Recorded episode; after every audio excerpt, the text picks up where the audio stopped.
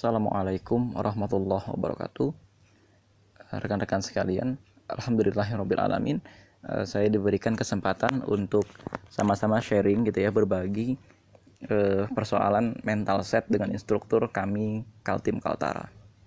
Nah, rekan-rekan sekalian, eh, sebelum kita memasuki pembahasan kepada tema lebih jauh, saya ingin meminta doa kepada rekan-rekan sekalian karena Jakarta ini sudah sangat merah gitu ya, sudah sekitar 3.000 orang atau 3.500 orang di Jakarta yang terinfeksi virus corona. Dan menurut data dari Dinas Kesehatan DKI Jakarta, korban jiwa di Jakarta saja itu sudah mencapai 600 orang. Kita sama-sama doakan, sementara di rumah saya sendiri itu ada sekitar 50 meter jaraknya dari pasien positif virus corona.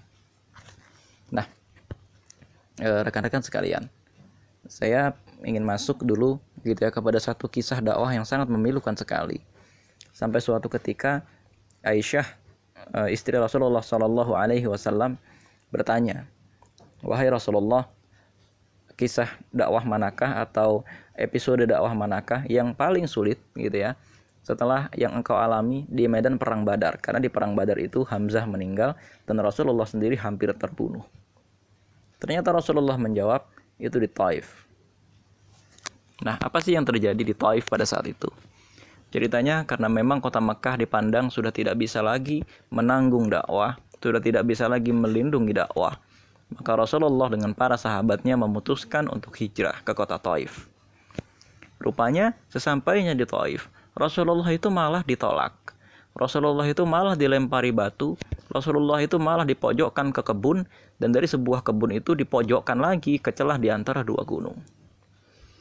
Sampai-sampai malaikat penjaga gunung itu berkata, "Apakah akan aku hancurkan saja ya kota Taif itu?" Tapi Rasulullah itu malah berkata, "Tidak, aku berharap dari keturunan mereka akan ada orang yang membela Islam." Rasulullah pada saat itu ditemani oleh Zaid bin Haritsah. Zaid bin Haritsah pada saat itu adalah anak angkatnya Rasulullah dan usianya sudah cukup dewasa untuk bisa menemani Rasulullah dan melindungi Rasulullah. Setelah itu Rasulullah e, ada sekitar tiga hari atau empat hari berdiam di sebuah celah gua ya tanpa kejelasan. Karena kalau pulang pada saat itu pasti dibunuh sama orang-orang Mekah. Sementara kalau balik ke Taif juga udah nggak bisa. Untuk pergi ke kota yang lain bekal nggak ada. Akhirnya Rasulullah dengan beberapa rencana berhasil kembali memasuki kota Mekah dengan perlindungan dari seorang pemimpin Mekah bernama Mut'aim bin Adi. Nah, dari sini rekan-rekan sekalian, eh, episode dakwah ini terjadinya itu ketika Khadijah itu sudah meninggal, ketika Abu Thalib sudah meninggal, ya, sehingga memang Rasulullah pada saat itu berada dalam kondisi yang sangat lemah. Tapi dari sini kita bisa mengambil beberapa ibroh. Yang pertama, barangkali hari ini wilayah kita, kamda kita, komsat kita ada dalam kondisi yang betul-betul krisis Sampai-sampai memang kita tidak menutup atau kita hanya melihat satu kemungkinan yaitu pindah hijrah dari tempat yang lama kepada basis dakwah tempat dakwah yang baru.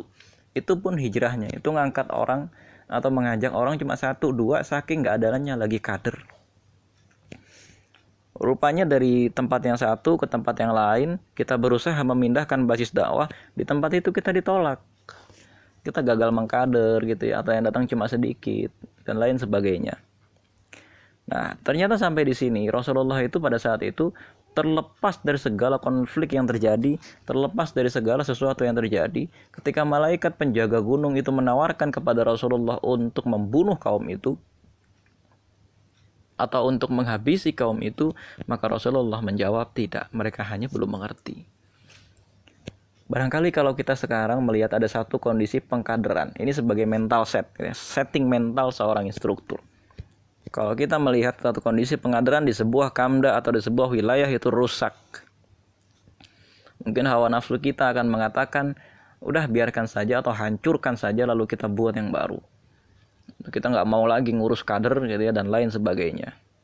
Ya, rekan-rekan sekalian Mari kita meneladani Rasulullah bersama-sama. Rasulullah itu tetap sabar. Rasulullah itu tetap mendoakan, ya Allah, mudah-mudahan di antara mereka akan muncul satu generasi yang memperjuangkan Islam, yang membela Islam. Hari ini mungkin kita kena konflik di berbagai kamda. Hari ini mungkin kita kena konflik di berbagai komisariat. Kita ngadain daurah susah-susah gitu ya, malah ditolak kita memasyarakatkan atau kita membumikan manhaj, menjelaskan bahwa di manhaj itu ada tuntutan materi, ada instruktur, ada MK1, ada MK khos dan lain sebagainya. Tapi ternyata kita itu malah ditolak, malah diusir, dibilang kaku, dibilang saklek, dibilang soalim dan lain sebagainya. Tetaplah berkata dalam hati kita, Ya Allah, mereka hanya belum mengerti, jangan binasakan mereka, melainkan aku berharap dari mereka akan muncul orang-orang yang membela Islam. Itu mental set yang pertama. Mental set yang kedua. Teman-teman sekalian, dalam kisah ini gitu ya. Rasulullah itu di atau mengajak eh, apa namanya? Zaid bin Haritsah dan kemudian ternyata di kota Taif itu hanya satu orang yang beriman kalau teman-teman mengetahui kisah ini. Satu orang yang beriman itu adalah seorang budak beragama Kristen ya, budak namanya Adas. Nah, terus jadi sebenarnya gitu ya teman-teman sekalian ternyata Rasulullah sudah jauh-jauh pindah kota jauh-jauh ngajak Zaid bin Haritsah tanpa perbekalan capek-capek dan lain sebagainya membayangkan pemimpin kota Taif akan beriman membayangkan daurah itu orangnya banyak membayangkan daurah itu dananya lancar membayangkan daurah itu pematerinya hebat-hebat. Tapi ternyata yang datang tuh cuma satu udah gitu budak. Ternyata yang datang kepada kita itu cuma satu sudah gitu atau cuma sedikit sudah gitu bukan orang kita harapkan bukan bangsawan bukan orang yang anak ustadz bukan orang yang hafalannya sudah 30 juz. Ternyata orang ini mungkin masih ngerokok orang ini mungkin masih uh, ngarit sawit. Mungkin ternyata orang ini bukan orang yang paham agama sama sekali orang tuanya masih menganut agama Dayak misalnya dan lain sebagainya. Lalu apa yang harus kita lakukan? Hargai dia.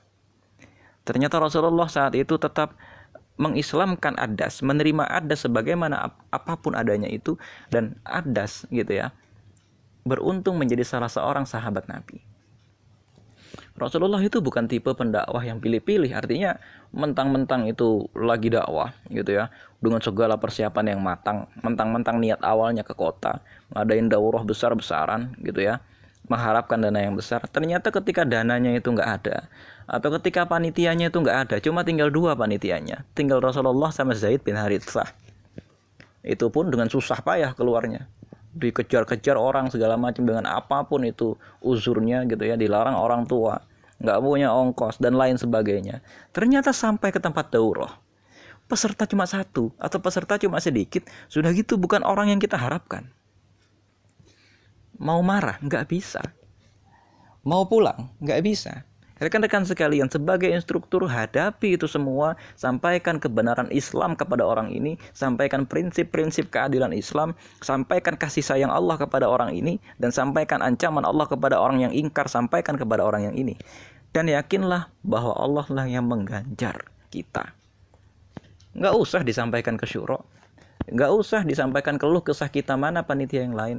Gak usah disampaikan kepada syuro misalnya, ini kok cuma satu, kita kurang persiapan dan lain sebagainya. Itu adalah qadarullah. Itu adalah takdir dari Allah. Karena barangkali memang pada saat itu kapasitas kita ya segitu. Barangkali memang Allah itu memerintahkan kita lebih solid lagi, Allah itu memerintahkan kita lebih kompak lagi, sehingga kapasitas mengkader kita itu bisa lebih hebat lagi. Kita mengharapkan mengkader ustadz, kita mengharapkan mengkader pemimpin, kita mengharapkan orang yang kita kader itu menjadi uh, ketua BEM, menjadi hafiz Quran atau menjadi orang yang mengerti bahasa Arab dan lain sebagainya. Tapi ternyata kalau yang terkader itu cuma satu. Sudah begitu kader ini mungkin ya mohon maaf secara intelijensi itu kurang atau secara semangat pergerakan itu kurang. Maklum karena memang beliau itu mungkin adalah seorang budak dalam konteks cerita ini. Ikhlaskan saja itu barangkali adalah teguran dari Allah engkau itu belum pantas mengkader seorang hafiz. Engkau itu belum pantas mengkader seorang hafizah. Engkau itu belum pantas mengkader ustadz belum pantas mengkader seorang calon pemimpin karena memang istiabmu kapasitas pengkaderanmu nggak cukup. Ini kata Allah gitu ya coba aku titipkan satu orang yang begini ini akan kamu jadikan apa? Akan kamu sia-siakan? Akan kamu eh, akan kamu ajukan muka masammu kepadanya atau bagaimana? Nah, rekan-rekan sekalian, ini aspek adab gitu loh. Ini aspek adab dalam menghadapi binaan. Ini aspek adab dalam menghadapi daurah. kalau daurah sedikit kita harus ngapain bersyukur kepada Allah dan introspeksi memang ya Allah seginilah kapasitas pengadilan saya seginilah kapasitas orang yang engkau titipkan kepadaku satu orang inilah yang engkau amanahkan kepadaku ya Allah mudah-mudahan aku tidak menyia-nyiakan dia. Mudah-mudahan ya Allah ketika dia bertemu dengan aku aku tidak menjadi sebab dosa buat dia. Dan mudah-mudahan ketika aku bertemu dengan dia aku berhasil menjadi sebab pertaubatan dia. Meskipun cuma satu orang ya Allah. Itu pada bagian pertama. Rekan-rekan sekalian pada bagian kedua ini saya lagi-lagi akan mengajak teman-teman untuk uh, merenungkan kembali kisah hijrah Rasulullah itu ke Taif saat Rasulullah itu ke Taif ya Rasulullah itu mengajak satu orang namanya Zaid bin Harithah. Zaid bin Harithah ini adalah seorang mantan budak Rasulullah yang diangkat menjadi anak. Nah teman-teman sekalian kira-kira kalau kita hari ini ada di posisi itu gitu ya di posisi ketika kamda itu diwariskan kepada kita dalam kondisi ketuanya entah ke mana pengurusnya cuma dua yang AB3 atau bahkan yang AB2 itu cuma dua misalnya yang lain tidak kapabel. Ya yang lain itu uzurnya ada aja. Ya nyabit sawit lah gitu ya. Atau uzurnya mungkin dia jadi pelaut lah atau uzurnya macam-macam. Lagi skripsian gitu ya. Lagi nyalek lagi nyapres atau jadi ketua tim pengendalian COVID-19 lah. Atau dia mungkin jadi Menko Perekonomian dan lain sebagainya kan sibuk sekali itu ya. Rupanya barangkali itu adalah kebahagiaan tiada tara yang diturunkan kepada kita. Tidak banyak sahabat sekalian punggung yang dipilih oleh Allah untuk melindungi Nabi Muhammad pada saat-saat paling paling paling bawah Nabi Muhammad Salah satu punggung yang beruntung untuk menggantikan punggung Nabi Muhammad agar tidak terluka adalah punggung Zaid bin Harithah. Nah, ini aspek tasawuf gitu. Ini artinya aspek perenungan kita. Ketika kondisi dakwah itu ada dalam kondisi yang paling rendah sekali, dalam kondisi yang paling paling paling bawah sekali. Kira-kira sikap kita akan gimana ya? Ya kan? Apakah mungkin gitu ya misalnya sikap kita itu wah menggerutu gitu ya atau kita memang akhirnya akan dipaksa menyadari gitu ya bahwa sesungguhnya memang ini adalah anugerah yang diberikan kepada Allah bahwa kita lah rekan-rekan sekalian yang beruntung dipilih oleh Allah untuk apa? Untuk mempertahankan dakwah ini pada titik terendahnya. Banyak juru dakwah, itu ya, banyak juru dakwah di luar sana tapi mereka itu rupanya mungkin karena kelemahannya atau rupanya mungkin karena kurang kapabelnya, mereka itu hanya ditempatkan oleh Allah pada saat dakwah itu tidak banyak ancamannya. Pada saat dakwah itu aman-aman saja. Saat dakwah itu mencapai titik puncaknya, saat dakwah itu uangnya lagi banyak-banyaknya, pengurusnya lagi hangat-hangatnya, ketuanya lagi bagus-bagusnya, pun yang menjabat juga hebat-hebat. Tapi nggak banyak orang yang dianggap layak oleh Allah untuk mempertahankan dakwah ini. Pada saat yang mempertahankan itu cuma dua. Hanya Rasulullah dan Zaid bin Harithah. Dan kita hari ini rekan-rekan sekalian yang ada dalam kondisi dakwah semacam itu bersyukurlah kepada Allah punggung kita lah yang dipilih oleh Allah berangkat ke daurah. Ketika semua orang pada saat itu tertahan dari daurah ketika semua orang pada saat itu nggak tahu kenapa nggak bisa berangkat ke daurah Ketika semua orang itu ada aja usurnya, ya gerimis lah, ya mau persiapan nikah lah, ya mau skripsi, ya dia kerja, ya dia sakit dan lain sebagainya. Entah mengapa Allah itu akan memberikan belenggu dalam kaki mereka sehingga mereka nggak bisa berangkat. Belenggu itu adalah belenggu yang memang Allah yang mendatangkan. Ada aja alasannya. Dan alasan itu datangnya dari hati kita. Tapi percayalah, alasan-alasan yang memberatkan hati kita untuk berangkat ke daurah itu, untuk melindungi dakwah ini pada titik paling rendahnya itu. Alasan-alasan itu datangnya dari Allah, karena Allah tidak mengizinkan kita untuk berdakwah. Sedangkan bagi kita yang dipilih oleh Allah, gitu ya, bagi kita yang memang beruntung sekali diperjalankan oleh Allah, dilepaskan belenggu dari kaki kita. Yakinlah bahwa ketika Allah itu memperjalankan kita ke dalam daurah, ya, berarti ada sesuatu yang harus kita lakukan. Ketika orang lain tertahan di rumahnya untuk tidak berangkat daurah, ternyata Allah memilih kaki kita untuk jalan ke daurah. Allah memilih kaki Zaid bin Harithah untuk mengiringi Rasulullah pada saat di Taif. Allah memilih punggung kita barangkali untuk menahan lemparan batu dari orang-orang yang ingin menghancurkan dakwah ini sehingga Rasulullah itu ditaifkan terluka. Orang-orang di dunia ini pada saat ini barangkali ingin kami itu musnah. semuanya baik organisasi Islam maupun organisasi non Islam pengennya kami itu musnah tapi barangkali punggung kita lah yang dipilih oleh Allah untuk mempertahankan kami ini untuk menggantikan punggung yang harusnya ditikam oleh pisau untuk menjembatani antara generasi hebat yang satu dengan generasi hebat yang ada di bawah kita. Ternyata punggung kita lah yang dipilih. Nggak banyak orang menyadari ini teman-teman sekalian bahwa bisa berangkat daurah adalah sebuah kenikmatan. Bisa berangkat daurah adalah sebuah fasilitas dari Allah adalah sebuah kesadaran dari Allah. Sebagaimana ketika Allah gitu ya memperjalankan Zaid bin Harithah dan sebagaimana juga Allah memutuskan Zaid bin Harithah lah yang beruntung untuk mendampingi Rasulullah.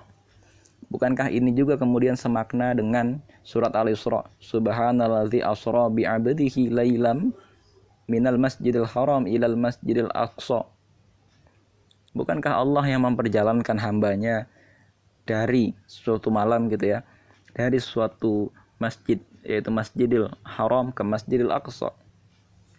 Maka sesungguhnya yang memperjalankan kita dari rumah ke tempat daurah, yang memperjalankan kita dari tempat daurah yang satu kepada tempat daurah yang lain adalah Allah juga. Maka rekan-rekan sekalian, gitu ya. Coba sekarang, kalau misalnya kita itu masih tertahan di rumah, memang ada alasan-alasan syar'i, gitu ya. Seperti orang tua kita sakit, ya Utsman bin Affan itu tidak berangkat perang Badar itu gara-gara istrinya sakit Nah, sekarang kalau misalnya alasan kita syar'i, ya e, orang tua kita sakit, pasangan kita sakit, atau kita sendiri sedang sakit, itu memang syar'i. Akan tetapi kalau ternyata alasan-alasan itu alasan yang kelihatannya syar'i tapi ternyata diada-adakan, alasan yang syubhat, tiba-tiba ada agenda, atau tiba-tiba aja kita sakit atau tiba-tiba aja hal-hal yang sederhana sekali bisa mencegah keberangkatan kita. Kita ditidurkan oleh Allah. Ya hari itu kita nggak punya uang. Hari itu kita dibikin pusing sama Allah atau kita dibuat lupa dari agenda daurah oleh Allah atau sebelum berangkat daurah kita dibuat berselisih, kita dibuat bertengkar dengan kawan kita sehingga kita yang harusnya berangkat ke daurah itu jadi nggak berangkat. Rekan-rekan sekalian, ya rupanya di sini kedekatan kita kepada Allah itu sedang diuji. Jadi kita itu beneran dekat sama Allah sehingga Allah itu mengizinkan kita untuk merawat umatnya sehingga Allah itu mengizinkan kita untuk terus mendekat kepada Allah melalui sarana daurah. Atau sebenarnya kita itu cuma pura-pura dekat kepada Allah dengan mengatakan oh kami sekarang sudah liberal. Kami sekarang sudah begini sudah begitu. Apalagi dengan kemarin adanya isu perpecahan misalnya kan. Itu dijadikan alasan untuk tidak mengurus daur. Karena apa? Karena kita sedang bertengkar dengan sesama muslim. Kita memperdebatkan siapa yang salah dan siapa yang benar di antara kita, tapi kita lupa bahwa barangkali bukan masalah benar atau salah, tapi memang Allah sajalah yang memilih siapa yang berhak mewarisi agama ini. Allah sajalah yang memilih siapa yang berhak memakmurkan daurah, siapa yang berhak untuk merawat umatnya. Allah yang memilih. Kalau kita hari itu sedang tidak dipilih oleh Allah, berhati-hatilah rekan-rekan sekalian. Kemudian rekan-rekan sekalian, gitu ya. Sebagaimana Rasulullah yang terus memutar otaknya pada saat beliau ada dalam kondisi yang paling berat dari dakwah itu, kita juga harus seperti itu. Tidak terbesit niat sedikit pun dari dada Rasulullah. Ya Allah, kalau memang aku ini ada di jalan yang benar, kenapa engkau mempersulit? Nggak ada lagi istilah anak sebelumnya, anak sebetulnya selama ini masih bingung di kami itu ngapain ya. Nggak begitu tujuan yang sudah kita sama-sama sepakati ketika DM1 bahwa kami itu punya filosofi, tujuh filosofi gerakan kami, itulah tujuan kami. Kemenangan Islam adalah tujuan perjuangan kami, ya. Kemenangan Islam adalah cita-cita perjuangan kami, itu loh. Artinya kita itu tujuannya memenangkan Islam sebagaimana Rasulullah di kota Taif tujuannya memenangkan Islam. Maka ketika coba bayangkan kalau kita ada di sisi Rasulullah, maka kita akan mungkin merasa berhak untuk menuntut Allah, ya Allah, saya sudah berdakwah, kenapa tidak engkau permudah? Saya sudah berikhtiar, saya sudah jalan ke kota Taif. Ya, saya sudah mengajak Zaid bin Harithah, saya sudah mencari tempat hijrah yang baru. Tapi kenapa malah engkau persulit? Kenapa malah aku sendirian? Kenapa malah aku tidak bisa kembali ke kota Mekah? Kenapa malah para pemimpin kota Taif itu menolak aku? Enggak. Barangkali sebagai instruktur, kita masih berpikiran seperti itu. Ya Allah, ini saya ini sudah bela-belain loh berangkat daurah. Tapi kenapa engkau mempersulit? Kenapa engkau menahan teman-temanku? Kenapa uangnya dipersulit ya Allah? Jangan-jangan ini nggak berkah ini. Jangan-jangan engkau nggak suka ini ya Allah. lah ini nggak boleh kalau ada instruktur punya pemahaman seperti ini Allah sedang melatih kita ini loh wahai hambaku dakwah itu kondisi paling beratnya akan seperti ini engkau kuat atau enggak kan di kami itu daurah berhasil atau gagal nggak ada sanksinya tapi kalau di masyarakat ya kegiatan dakwah kita berhasil atau gagal itu taruhannya langsung kepada Allah. Di kami itu kita belajar berdakwah. Ketika kita yang namanya belajar berdakwah berarti kita belajar berinteraksi dengan sunatullah pada saat berdakwah. Bahwa harus menggunakan rencana bahwa suatu ketika akan gagal bahwa kita akan diterpa kesepian dan lain sebagainya Beruntunglah rekan-rekan sekalian yang sedang berdakwah dalam keadaan sendirian, dalam keadaan sepi, dalam keadaan miskin, bahkan sampai ada yang bela-belain jualan beras gitu ya untuk bisa berangkat dan lain sebagainya. Kemarin saya dicurhati gitu ya sama salah seorang instruktur dari Palembang. Jadi dia itu sampai bela-belain ya hari itu sampai jualan barang apa pun itu padahal dia bukan penjual barang aslinya agar dia bisa berangkat daurah sampai jualan beras yang dia punya di dapur untuk bisa berangkat daurah. Tapi sesampainya di daurah dia hanya mendapati konflik. Saya sebagaimana Rasulullah saya bilang. Rasulullah itu sampai bela-belain meninggalkan rumahnya dan lain sebagainya, meninggalkan anak-anaknya yang masih kecil. Hanya untuk apa? Ternyata di Taif itu diusir, dihinakan, sampai orang-orang Taif itu mengerahkan orang-orang gila dan anak-anak kecil untuk melempari batu kepada Rasulullah yang itu tidak pernah dilakukan oleh orang-orang Mekah. Tapi Rasulullah hanya mengatakan, "Ya Allah, mereka hanya belum mengerti." Ampunilah mereka dan mudah-mudahan dari mereka akan muncul satu generasi yang akan memperjuangkan gerakan ini. Nah, rekan-rekan sekalian, pada bagian ini saya akan menerangkan apa saja yang kira-kira bisa menghambat profesionalitas kita sebagai seorang instruktur. Pertama, kemalasan kita untuk menambah pengetahuan.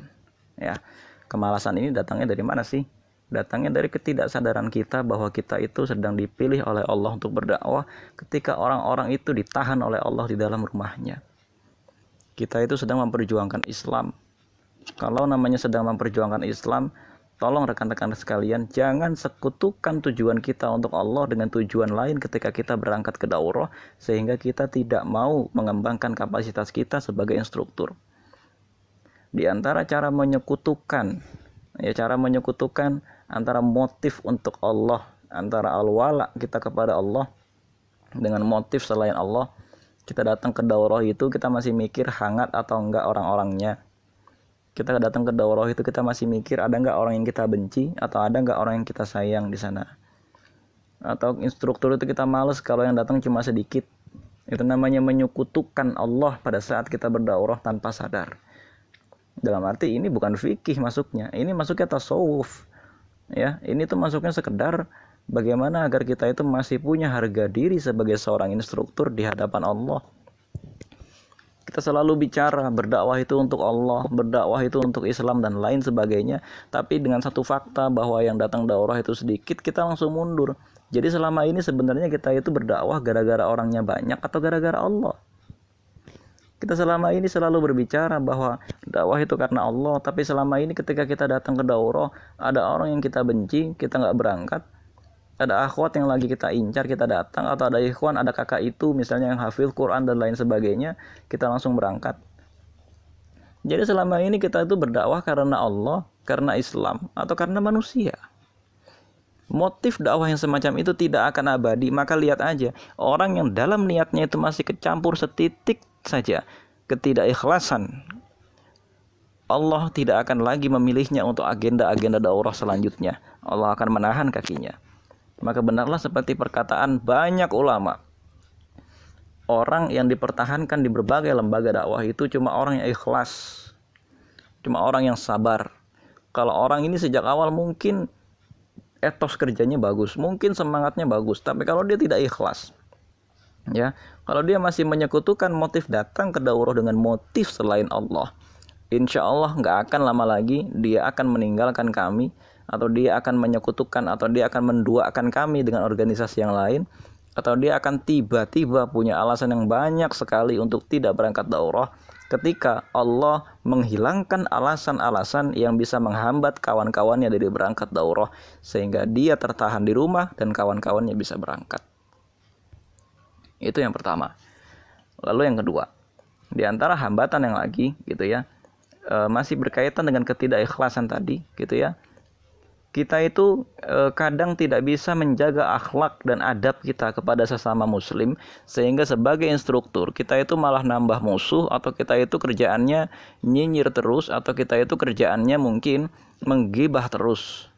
Karena apa? Hati kita selalu dibuat sakit oleh reaksi kawan kita kepada tindakan-tindakan kita introspeksi dulu. Pertama mungkin dari kita. Kita mungkin masih punya etika-etika yang buruk, kita mungkin masih punya cara bicara yang kurang baik, kita mungkin masih punya ambisi-ambisi sehingga kita memaksakan ambisi itu kepada kawan-kawan kita.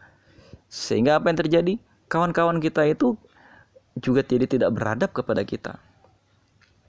Di antara adab-adab yang lain ya, itu kita kadang-kadang suka tidak memperhatikan di lokasi daurah e, patut atau tidak. Ingat ya, ini masalahnya adab saya bicara dengan seorang juru dakwah. Saya tidak berbicara dengan muslim biasa di luaran sana yang ngomonginnya urusan fikih. Saya ngomonginnya di sini orang-orang yang dipilih oleh Allah sebagai dai, dilantik oleh Allah sebagai dai pada saat TFI. Maka saya di sini akan ngomongin adab. Adab itu bukan persoalan halal haram. Adab itu persoalannya adalah patut atau tidak. Patut atau tidak.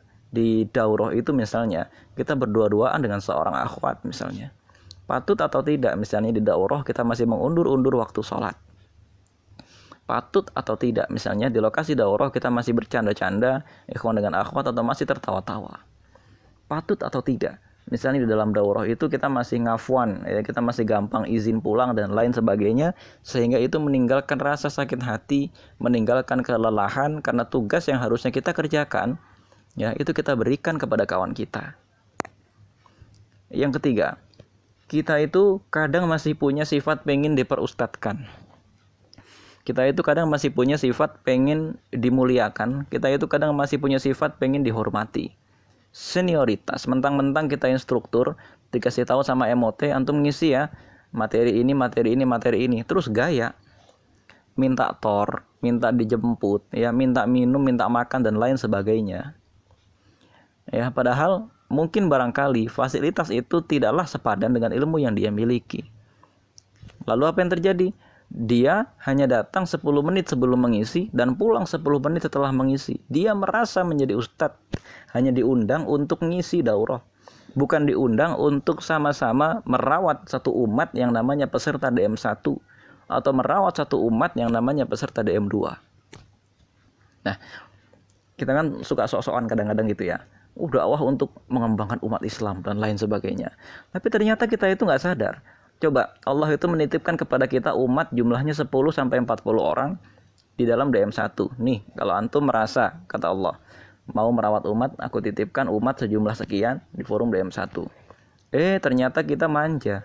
Datang 10 menit sebelum mulai dan pulang pulang 10 menit setelah kita ngisi boro-boro kita mau mikirin berkas, boro-boro kita mau mikirin konsumsi, boro-boro kita mau mikirin misalnya e, membersihkan ruangan, boro-boro kita mau mikirin mendengarkan curhatan panitia yang lelah dan lain sebagainya. Kenapa? Karena dalam hati kita mulai terjangkit perasaan atau punya penyakit ingin diperustatkan. Penyakit ingin dimuliakan, penyakit ingin dihormati, penyakit ingin diseniorkan. Ini repot Apalagi kalau qadarullah pada saat itu panitia daurah adalah orang-orang yang baru saja ikut DM1 atau panitia daurah adalah orang-orang yang memang lebih junior daripada kita. Tiba-tiba kita datang sebagai sosok alumni gitu ya, yang datang terus kritik sana sini, komentar sana sini. Kita menjadi tidak beradab seakan-akan kita berada di marhalah yang jauh lebih tinggi sebagai manusia dibandingkan dengan orang-orang yang ada di lokasi daurah. Instruktur itu adalah uh, orang yang menjadi fasilitas daurah. Dalam arti instruktur itu menghidupi daurah. Dia tidak datang untuk dihidupi oleh panitia. Dijemput atau tidak dijemput dia harus datang. Meskipun memang sebagai panitia antum juga harus beradab. Beradab itu dalam arti jelaskan tempatnya di mana, jangan cuma kasih G-Maps. Tapi jelaskan naik apa, naik apa, naik apa, kalau pagi atau sore itu gimana. Makanya kadang-kadang instruktur itu mental set ya ketika mengadakan daurah itu kurang terbentuk. Ya, ini kadang-kadang sisi yang tidak beradab dari panitia. Misalnya gitu ya, ada instruktur dari provinsi lain atau ada instruktur dari kota yang lain tidak mengetahui bagaimana transportasi di kota itu cuma dikasih G-Maps. Rupanya tidak diberitahu bahwa di atas jam 6 sudah sepi atau tidak diberitahu ongkosnya berapa, tidak diberitahu bahwa dia harus bawa air minum karena memang perjalanannya akan sangat panjang atau tidak diberitahu bahwa lokasi daurah tidak ada sinyal dan sering kali panitia yang kita tanya cuma menjawab, "Afwan, Anda juga bukan orang sini jadi nggak tahu." Padahal gitu ya, ini adalah daurah. Dia harus tahu di mana dia menyelenggarakan daurah. Ini berkaitan dengan keselamatan orang yang antum berangkatkan ke dalam lokasi daurah. Nah, ini ini masalahnya di mana sih? Masalahnya itu di muraqabatullah dan masalahnya itu di bagaimana penjagaan ya riayah diri kita untuk bisa sama-sama menjaga nyawa atau jiwa seorang muslim. Tapi yang menjadi persoalan di sini, balik lagi kepada persoalan yang pertama, kita itu jangan punya sifat ingin diperustatkan. Ya. Oke okay lah gitu, kita punya ilmu, kita hafiz Quran dan lain sebagainya, tapi saat ini kita sedang belajar berdakwah, kita tidak sedang belajar menjadi ustadz karena menjadi ustadz itu semacam kutukan ya agar antum nanti diteladani oleh orang lain, agar antum nanti perkataannya itu dianggap sebagai fatwa. Sehingga ketika antum mengatakan satu kalimat yang sesat, maka antum akan dihitung oleh Allah sebagaimana orang-orang lain akan mengucapkan kalimat itu bersumber dari antum. Nah, rekan-rekan sekalian, uh, itulah pada dasarnya gitu ya mental set yang ingin saya sampaikan. Sebetulnya saya bisa berteori lebih jauh tapi sebaiknya saya menyampaikan itu di forum-forum yang offline. Di forum-forum online seperti ini saya berharap gitu ya ini semua bisa kembali meningkatkan semangat berdaurah kita. Lepaskan segala beban, lepaskan segala konflik, lupakan segala konflik, datang ke tempat daurah sebutlah nama Allah. Ya, sebutlah nama Allah ketika datang ke tempat daurah, sucikan diri kita. Ya ayuhal mudathir kum fa'anzir ya bangun dan berilah peringatan. Warabbaka fakabir dan seterusnya. Allah Assalamualaikum warahmatullahi wabarakatuh